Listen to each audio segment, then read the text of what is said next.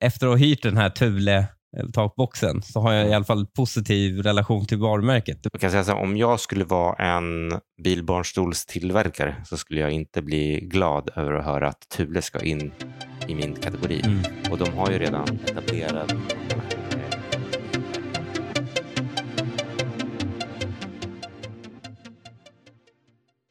Jag, eh, jag var på Gröna Lund idag. Var ingen, eh, var inte den bästa dagen att gå på Gröna Lund. Nej, men var det... vi skulle gått igår, men vi hade bokat fel dag av misstag, så vi gick idag.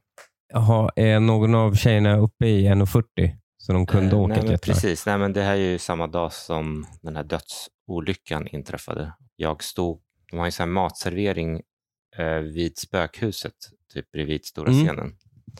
Mm. Ja, men jag stod där vi skulle beställa mat för klockan var precis 11.40 typ, eller 11.30.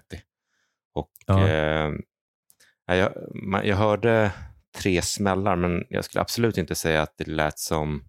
Alltså jag reagerade, de flesta runt omkring mig reagerade inte ens på det för att det, är så här, det låter och smäller ganska mycket hela tiden på Gröna Lund.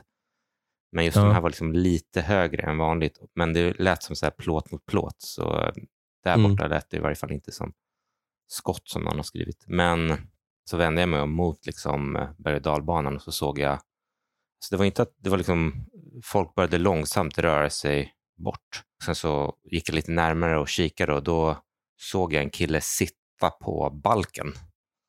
Vilket var en Jävlar. jävligt eh, bisarr syn. Och eh, jag har ju sett några bilder på honom. Det ska bli intressant att se om de får tag i honom, för jag fattar verkligen inte hur han har, antingen har han liksom krypit ur från grejen, eller alltså jag har svårt att säga att han har slungat ut och lyckats fånga en balk och hängt kvar. Men ja, jävligt eh, tragiskt. Alltså det är, när man går på Gröna Lund och ska åka jetline så tänker man kanske inte att man ska sluta dagen i, i död. Nej, man, men eh, initialt så fattade jag inte riktigt, för man hörde inga skrik eller så vidare, men sen så började det komma, liksom, när man hörde att det kom helikopter och massor med poliser. Och, Mm. speciellt när jag gick därifrån och så såg jag liksom civilpolis efter civilpolis efter polis efter polis efter polis, så tänkte jag okej, det nu är det liksom något jävligt allvarligt, så annars skulle det, annars skulle det bara komma ambulanser, inte liksom tio polisbilar också. Nej. Men ehm, jag såg några bilder där det visade att ena hjulet hade flugit av på främre vagnen. Ja, precis. Det ser ut som att liksom hjulet har lossnat och den har typ tvärnitat och sen så Ja. på något sätt har de ju slungats ut och även om jag tänker att den där man har ju någon sån grej som borde hålla kvar med, ja, jag vet inte vad som hänt. Det är, vi, man ska ju inte, även om spekulera, det var ju fascinerande dock att se hur snabbt liksom vissa på Twitter skulle göra politiska poänger innan man ens visste någonting. Ja, men folk såg ju det som delvis... Eh, jag såg några som bara, ja, u-landifieringen av Sverige. Eh, och, eh, och, och försökte koppla det till eh, allmänna Sveriges förfall. Men eh, spännande var, eh, men det var ju så att säga ganska inofficiella röster. Men officiellt håll så var det ju Frida Sundqvist som är varit frilansande reporter för Dagens ETC som hade snabbt gått igenom Parks and Resort som äger Grönlunds eh, årsredovisning och att de Mm. skulle ha en utdelning på 43 miljoner. Mm. Men det spännande var ju ändå att eh, tittar man på olyckor så ligger ju Liseberg långt framför och det är ju kommunalt ägt. Utan, Mm. eh, båda är ju vinstgående företag då, men Grönlund går ju med förlust. Eh, Mm. Det är Parks and Resorts andra anläggningar som Kolmården och Furuvik och sånt som drar in pengarna. Så, så det, det, är, det är ändå spännande hur alla lyckades projicera sin politik på det hela. Men ska man titta på hur det är ärligt sett så eh, det är ganska, att bedriva sådana här verksamheter innebär ju lite risk. Det är därför vi tycker det är läskigt. Eh, Men eh, de, så jag såg eh, att de hade publicerat eh, Dekra, som är ett inspektionsbolag. De hade Mm. inspekterat vagnarna redan i våras och så sent som i juni. Mm. Där eh, de hade inspekterat dem och då var eh, det utan anmärkning god trygghet var deras eh, Nej, men att inspektion. liksom eh, en halvtimme efter att det har hänt eh, dra slutsatsen att det är på grund av att man har haft för stor utdelning. Eh, den är lite långtgående. Sen fan vet jag, det kanske visar sig att det varit efter så att jag har ingen Ja. aning. Men, eh, Men, jag, har aldrig, jag har aldrig känt mig liksom... Alltså, det är klart när man blir lite äldre så går man ju, ibland när man sitter i något sånt där så sitter man och kollar på så här, okej, vad, vad finns det för failure points? Och, Ja. eh, och jag, har, jag har väl tänkt liksom att det är klart, berg och dalbana utsätts ju för mycket krafter jämfört med Ja. många andra grejer. Men, Jag, blev ju, jag åkte för första gången den här, eh, den här gungan som åker väldigt långt. Och Ikaros heter den va? Den, den här Eh. gungan som snurrar som åker väldigt långt upp i, eh, eh, i. Nej, i den har inte jag. Mm. den ville, Barnen ville åka den och jag är extremt höjdrädd. Alltså, Mm. jag, jag, jag får svindel av balkonger. Liksom. Eh, så jag fick ställa upp, eh, för Linnea kunde inte. Så då satt jag och stirrade på de här kedjorna som håller upp Mm. dig. Som är vanliga gungkedjor. Jag var så jävla nervös. och då Men satt du man tänker och på den som stirrade. snurrar eller? Ja, exakt. Den snurrar runt, runt, runt. Ja, jag tror inte den, gunga. den heter, ehm, heter uh, Eclipse. Eclipse. Ja. Ja, Ja, men jag, Eclipse, men jag, jag, jag tittade faktiskt på Eclipse, men jag, jag noterade att det är ändå åt, det är åtta kedjor som håller kvar, som håller i stolen. Så det, ja, det är åtta kedjor Eh. på två stolar. Ja. ja, så det ska Eh, vara antingen någon central fail.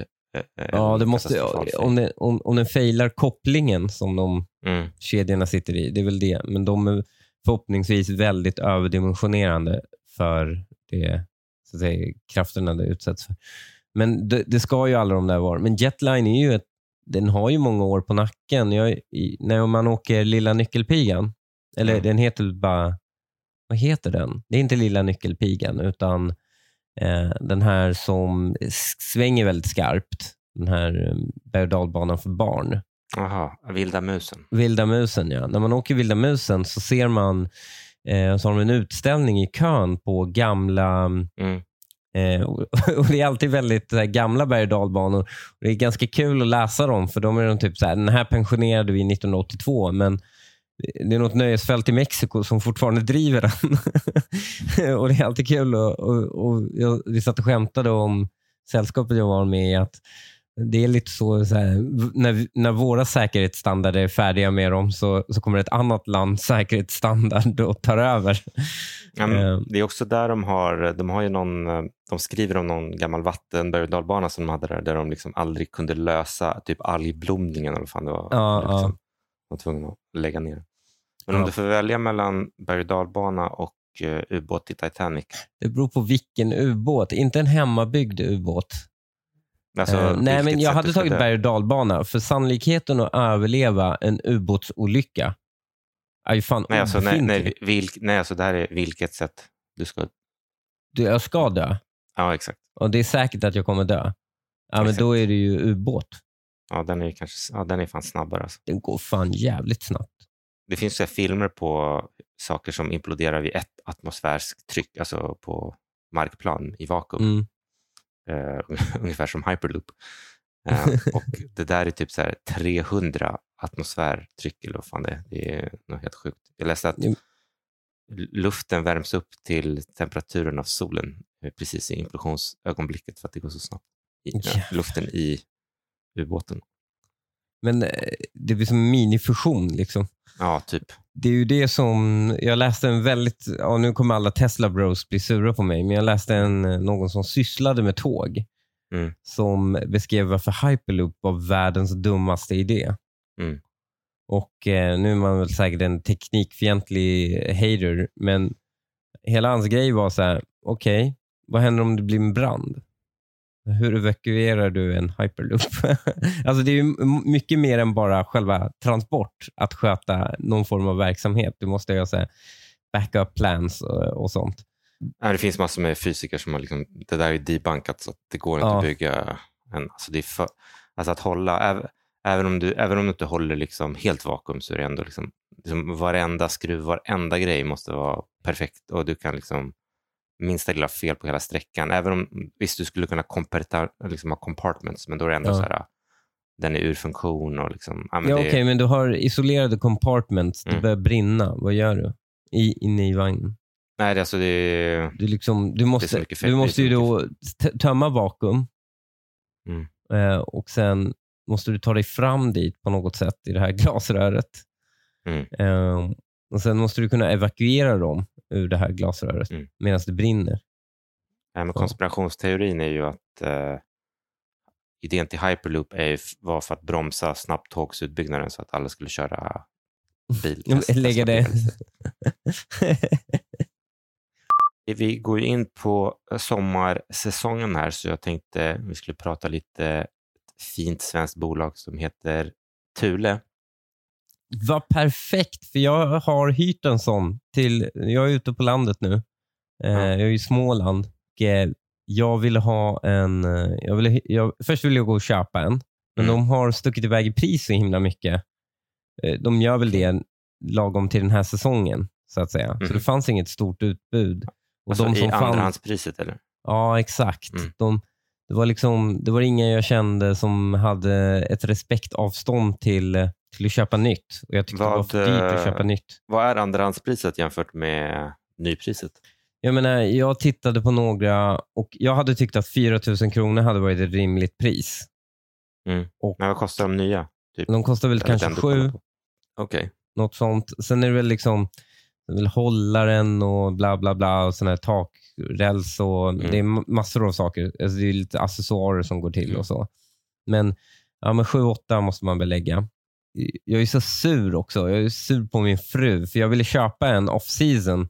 Jag såg en Mm. riktigt bra deal och den var vit och den var, hade Volkswagens eh, 4Motion-logga på. Så var, Mhm. Volkswagen hade en kampanj förut där när du köpte en bil fick du en sån på köpet. Mm. Och Det var en sån salu, vilket hade varit perfekt för det hade passat vår bil. Men eh, jag fick inte köpa den då och då han ville ha typ 3000 eller något sånt för den. Så den hade varit ganska billig. Så jag var ute nu och skulle köpa en och jag tyckte bara, antingen var de från 80-talet och helt genomäckliga och jag visste inte om de skulle passa eller om de var moderna så Mm. var de dyra. Och Så gick jag in i Mekonomen och skulle hyra en och då var det ganska, då ville de ha typ 1 5 för att hyra den en vecka, men jag behövde den nio dagar eller åtta Men- dagar. Den kostar, men den kostar sju som ny och den kostar ett och fem att hyra i en vecka. Ja, jag vet. Och, ehm, men Det är fan, också, det är fan, okej, jag ska starta en uh, takboxuthyrarbusiness.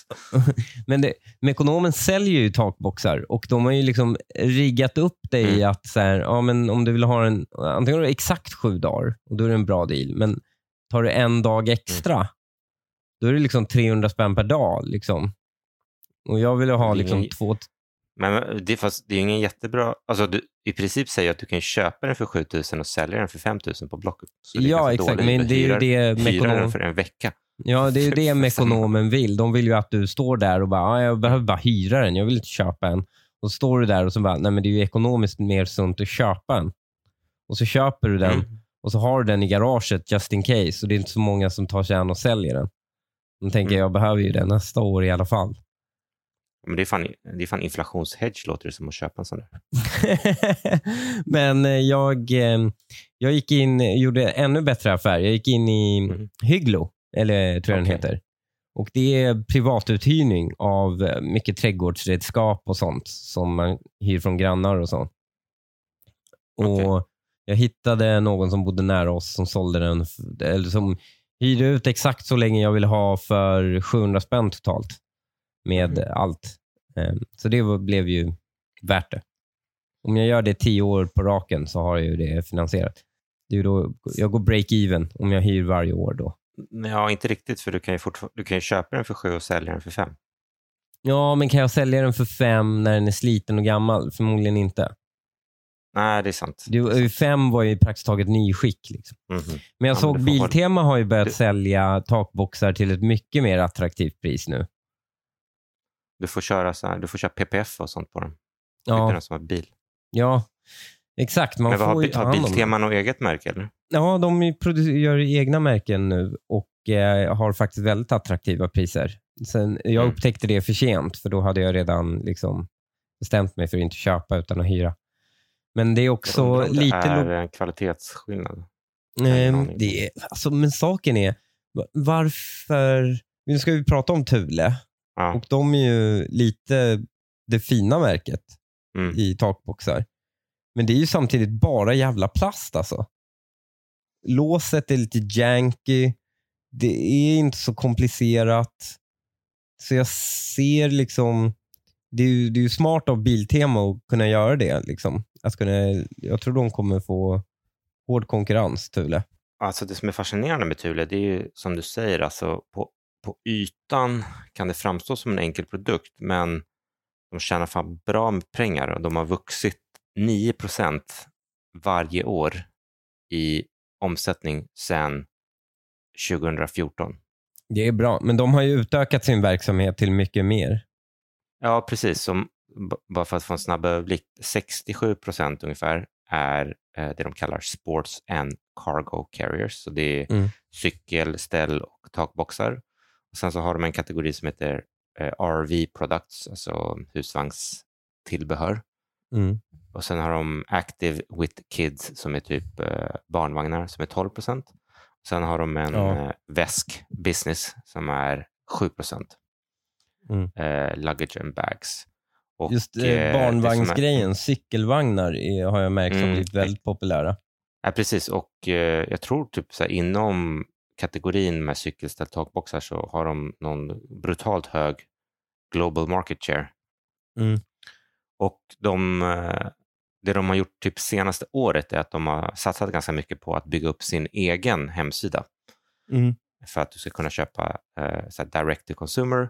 Men såklart en stor del av deras försäljning sker via återförsäljare för typ husvagnar. Så kanske någon köper en husvagn och så, så vill du ha liksom massor med tillbehör och då fixar själva husvagnsförsäljaren det.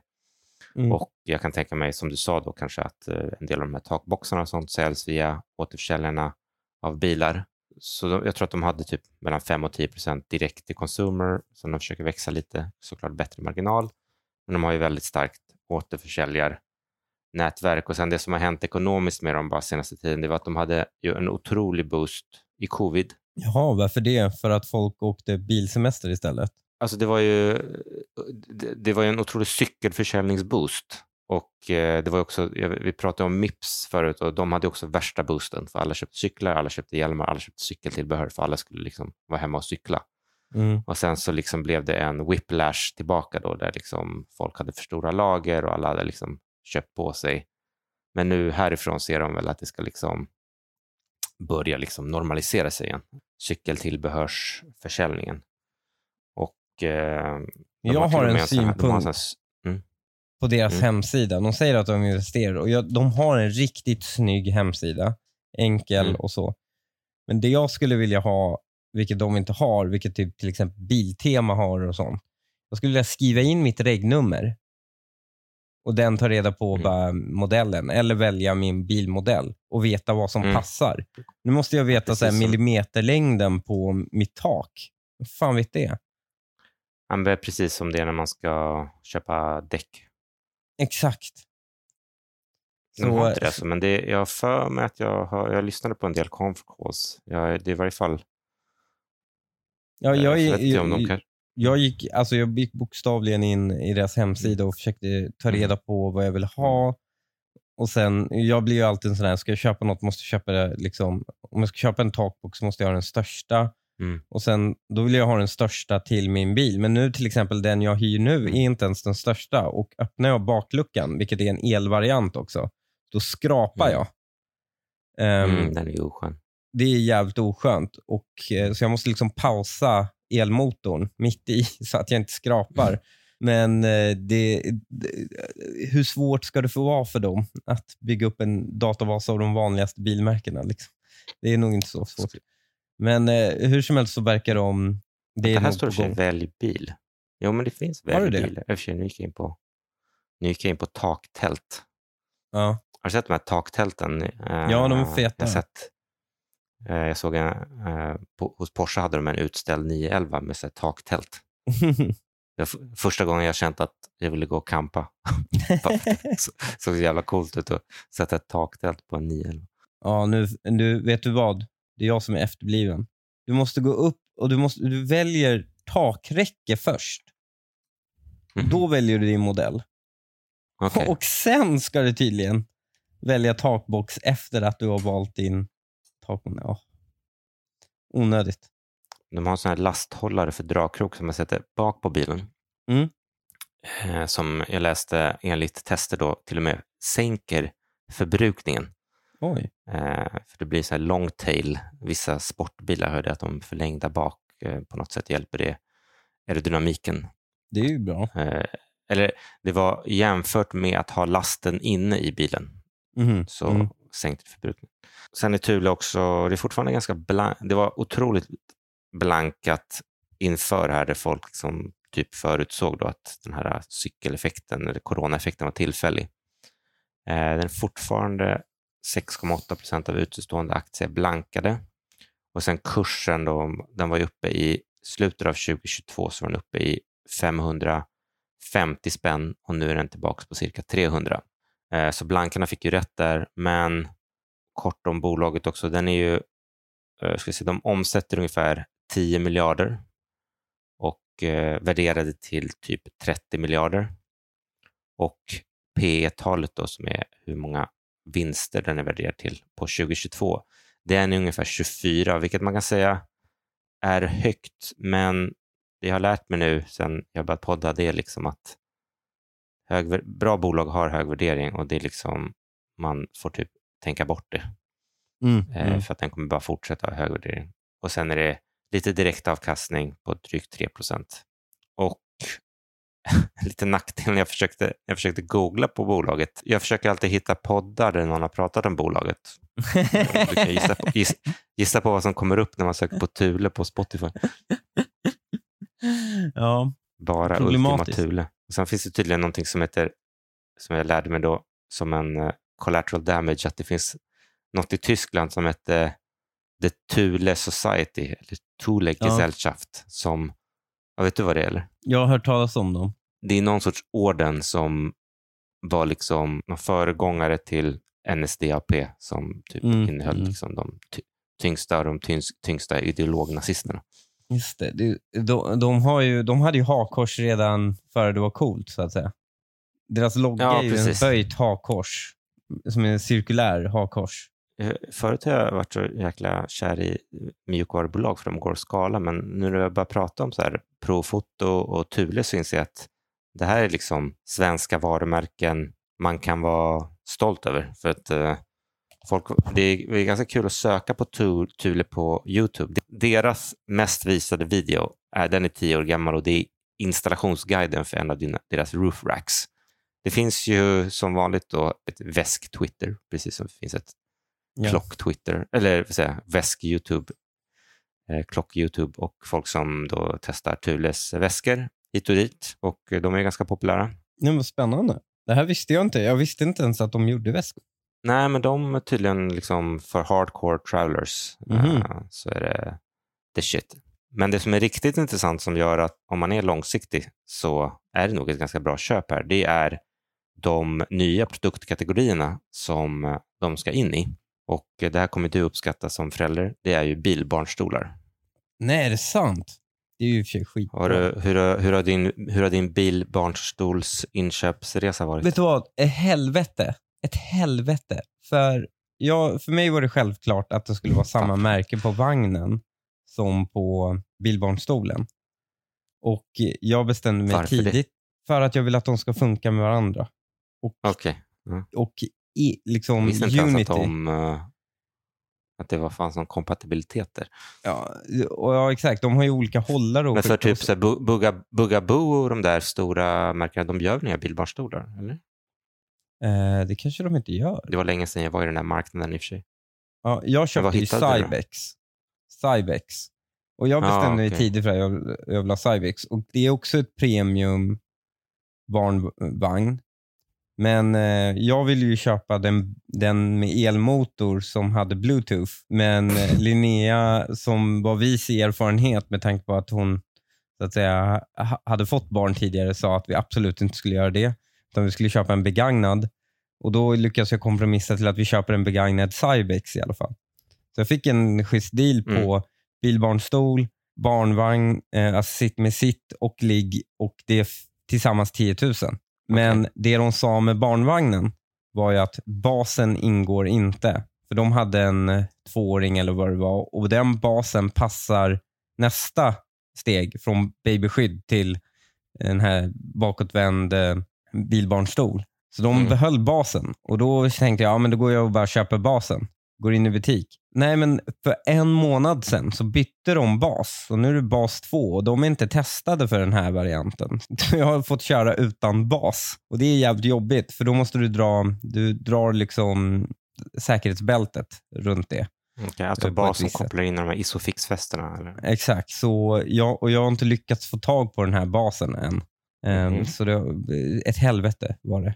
Så just nu så hon börjar bli tillräckligt stor för att vi ska börja titta på nästa level av eh, bilbarnstol. Och, eh, så jag är out shopping just nu. Men kul att Tula har börjat med det.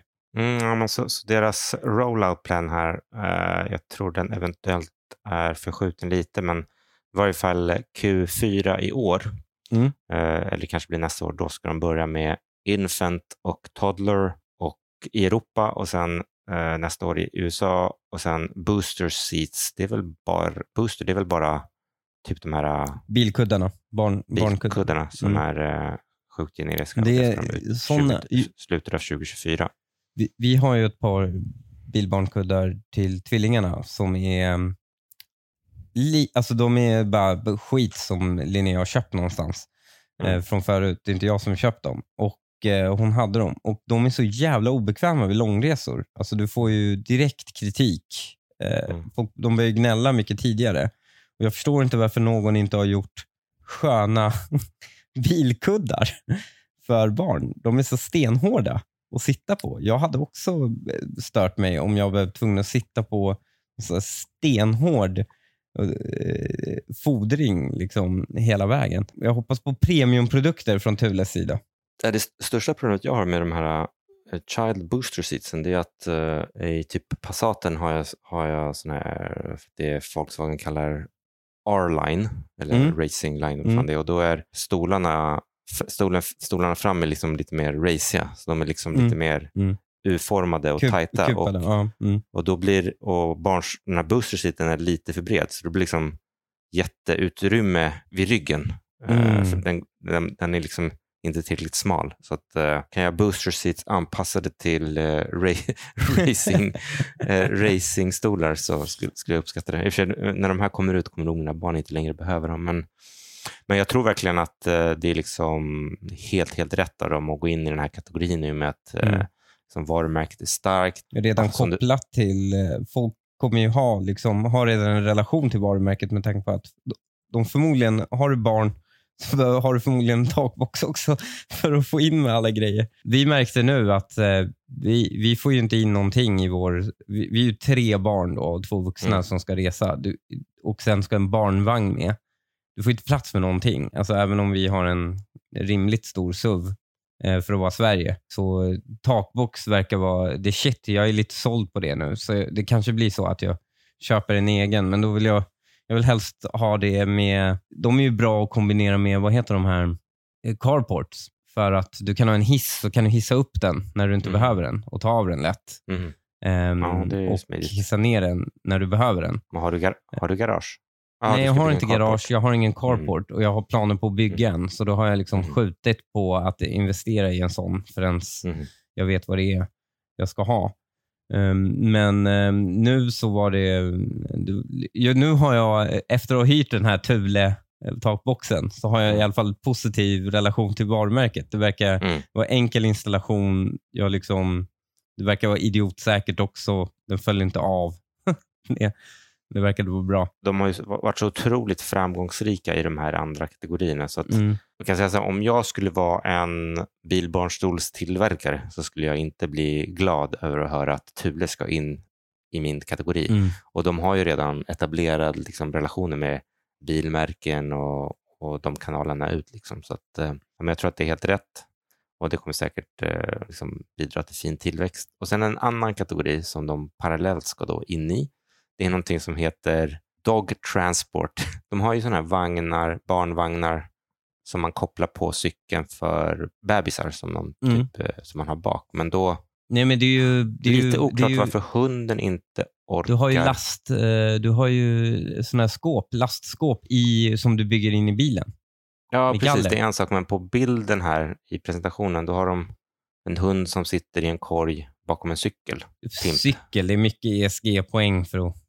Ja. Det, vad- när folk köper accessoarer till, till hund, då är det ju inte en cykel, utan då är det ju just eh, en sån här vagn, en sån här bur till, eh, till eh, Men det är- bilar. Men det, det är väl två Och kategorier som också folk Jordbruksverket har, ju just, ja, Jordbruksverket har ju justerat sina krav på hur stor en sån ska vara. Det är därför alla hundförare i Sverige, de hade ju kombis förut, såna här Mm. Volvo kombis. De får inte ha det längre, så alla kör Volkswagen Amarok nu, för det är den enda som är stor nog att kunna ta Mm. dem i bakluckan. De här Mm. nya, enligt Jordbruksverket, eh, godkända eh, storleken. Förmodligen kommer det väl kunna, Men de som kunna privat, sprida sig. men de reglerna gäller inte privatpersoner? Eller? Jag vet inte om de gäller det, men, men om det blir norm i samhället att de inte får vara för små och de måste vara premium på något sätt så kommer det väl sprida sig. Inom då hund, den här nya kategorin, så är det car transport och, eh, och sen så har de då bike transport som är eh, Mm. där de skriver att eh, bike commuting will continue to grow. Om hunden vill gå ut och cykla med sin människa, men, men inte springa själv. Ja, men jag förstår dem. Om- Jag har en polare som har Mm. skaffat en elcykel och han har en sån här Mm. Thule-vagn. Mm. Eh, när han, alltså när, när vi, han bor på Lidingö och eh, när vi- ska till Grönan så såg jag honom att han tog sin elcykel och stoppade in ungen i, i Thule-vagnen. Och sen, och sen bara drog de hela vägen. Och det är liksom, Han gör det ganska snabbt. Liksom. Mm. Ehm, och ganska bekvämt, slipper parkering, eh, vilket kan vara ett helvete vid Grönan. Så eh, det är väl inte så osannolikt att om han skulle liksom skaffa hund, att han skulle vilja ha med sig, om han vill ha med sig hunden på jobbet. eh, så Han får skaffa en, det. eh, han får skaffa en sån här Boston Dynamics elhund. Programmera in att den, den tar sig till jobbet före dig. Alltså den, Ja, precis. nu måste jag dra för att hinna när du kommer fram. Man kan inte beställa den, kostade en miljon när jag kollade senast. Men Är det sant? Eh, om man verkligen hade pengarna att wastea så det skulle vara så Vad- jävla den? kul. Det skulle vara så jävla kul att ha en sån och gå ut på promenad med den här. Jag har, jag har tagit en sån på promenad i Almedalen. Det var, Är det sant? Eh, den? Ja, jag testade den. Eh, Den Spot styrdes heter via en den. padda. Spot, ja. Mm. Det var LKAB som hade sin... eh, De har ett par sådana som springer runt i deras gruvor. Ehm, Mhm. och De hade med sig en till Almedalen. Och, eh, de var, alltså den, eh, jag tittar ju på alla de här. Jag har prenumererat på Boston Dynamics sen Mm. första videon. Liksom. Mm. Och de, eh, de har ju en sån här grej att eh, det ska vara lätt som ett tv-spel, är deras mål. Mm. För då kan alla i, i verksamheten använda deras produkter. Eh, ska här low entry för att an, Ja. eh, använda dem. Och eh, det var verkligen... Han ville inte att jag skulle styra den, men jag bokstavligen ryckte iPaden ifrån honom och, och började styra och det var hur lätt som helst. Alltså det var verkligen coolt. Undrar om man kan, skulle kunna ha en sån som vakthund. Liksom. Kommer Jag du ihåg... Skulle, eh, som, ni- inbrottstjuv, som inbrottstjuv tror jag att man skulle bli jävligt skraj om det kommer liksom en robothund när man Ja. försöker ta sig in i huset. Kommer du ihåg Sonys Aibo? Ja, men Den, den, kom ju typ... De sög ju på alla sätt. Ja, hade. IBM hade ju den här Watson också. Mm. Men eh, eh, just den, eh, att ha en hemmahund som är en robot. Den var kanske, idén var kanske lite före sin tid. Om någon skulle lägga lite R&D på det idag så kanske det hade funkat. Jag menar, nu är tekniken mycket mognare. Ja, precis. Ta en eh, konsumentversion av Spot liksom, så har den som Ja. vakthund hemma. Jag glömde nämna också att den här aktien är faktiskt ganska utspridd. Den har eh, på Nordnet och Avanza sammanlagt eh, 22 000 ägare. Så eh, ändå ganska populär. Det är många svenska fonder som äger den. Det är ett, jag hatar begreppet, men det är ett fint svenskt bolag, starkt varumärke.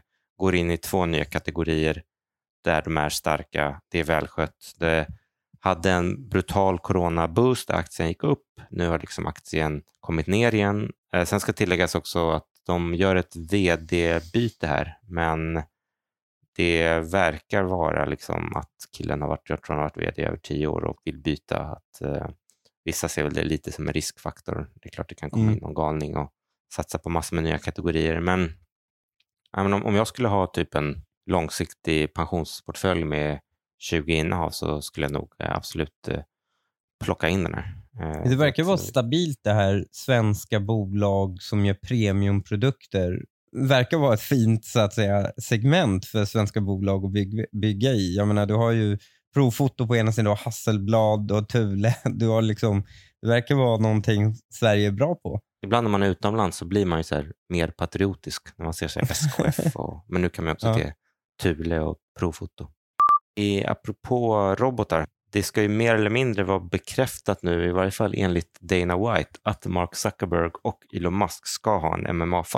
Har du sett det? Va? Ja. Nej, Nej, men för tydligen med hade... proxys hoppas jag. Nej, nej. Alltså en riktig, mellan varandra. Ja, det är ju det som är, eh, det är det som är grejen. eh, Att, eh, att det tydligen ska vara en riktig... Gå in på, om du går in på YouTube och söker på eh, Dana White, eh, Zuckerberg, Musk. I was talking to both Elon and uh, Mark last night. Both guys are absolutely dead serious about this Now, wait, wait, wait. Can we? Can, how do you, would you tell us why you say that? because they both said, "Yeah, we'll do it." they both want to do it. Mark Zuckerberg hit me up first and said, "Is he serious?" And I said, "I don't know. Let me ask him." I asked him, and he said, "Yeah, I'm dead serious." You know, um, you know, obviously for for, and I agree with you, Harvey. This would be the biggest fight ever in the history of the world. Um, bigger than anything that's ever been done. It would break all pay-per-view records. These guys would raise, you know, hundreds of millions of dollars for charity. And uh, you know, you don't have to be a fight fan to be interested in this fight. You, you everybody would want to see it. Det är otroligt. Det här är ju Ja. århundradets match. Har de börjat snacka skit om varandra offentligt än? För det måste ju... Det, Alltså ju det började ju på, det började ju på Twitter. Ja. Eh, Re- Reuters eh, lägger ut bakgrunden till den här fighten då och de skriver att Tesla Chief Executive Elon Musk tweeted on June 20th that he would be up for a cage match with Meta platform boss Mark Zuckerberg. Musk made the comments in response to a post about Meta developing a rival social media platform to Twitter. Zuckerberg subsequently posted a caption reading "Send me location" on Meta platform Instagram. Musk later tweeted Vegas Octagon, referring to a venue used for mixed martial arts bouts. Ja, men vem skulle du satsa på om du var tvungen att betta? Zuckerberg har åldern på sin sida. Elon är ju typ red slash black pill, så han kommer ju ta steroider. Alltså dels tror jag att Mark Zuckerberg har, eller jag vet att han har kört jujutsu för att han har varit på Oj. olika poddar och pratat om det. Och han är ju bara vd för ett bolag, så jag tror faktiskt han har haft mer Tid att göra det. tid att träna. Men jag tror också att han är lite Han mer... är klen, klenare lagd. Jag tror att han kan, jag tror, ja, men jag tror att han är mer, ännu mer psykot. Alltså, jag tror att han kan verkligen så här, vet, anställa de bästa och sen Ja. träna sju, sju dagar Ja, i nej, veckan. men- medans, medans Musk är typ så här, han, han kör liksom Han tar reda på det mest effektiva sättet att träna och resten är bara... Han tycker att det är dålig avkastning på den här extra sju dag, Ja. fyra dagarna. Så han skiter i det och istället eh, jobbar på sina 14 andra bolag. Ja, okej. Jag säger suck. Det är Ja, det- suck. Vad- De har ju, vad heter det? De har ju så title fights och sen så är det ju så här, de har Ja. ju så mindre fighter också. Om man skulle kunna köra någon så här Iljan Battlan mot, Mot eh, han eh, Embracer-killen. Lars, Lars, Wingefors. Lars Wingefors. Vem vinner? De har ju dock ingen beef så direkt. Vilka är det som beefar i svensk... Eh... Jag vet inte om det är några...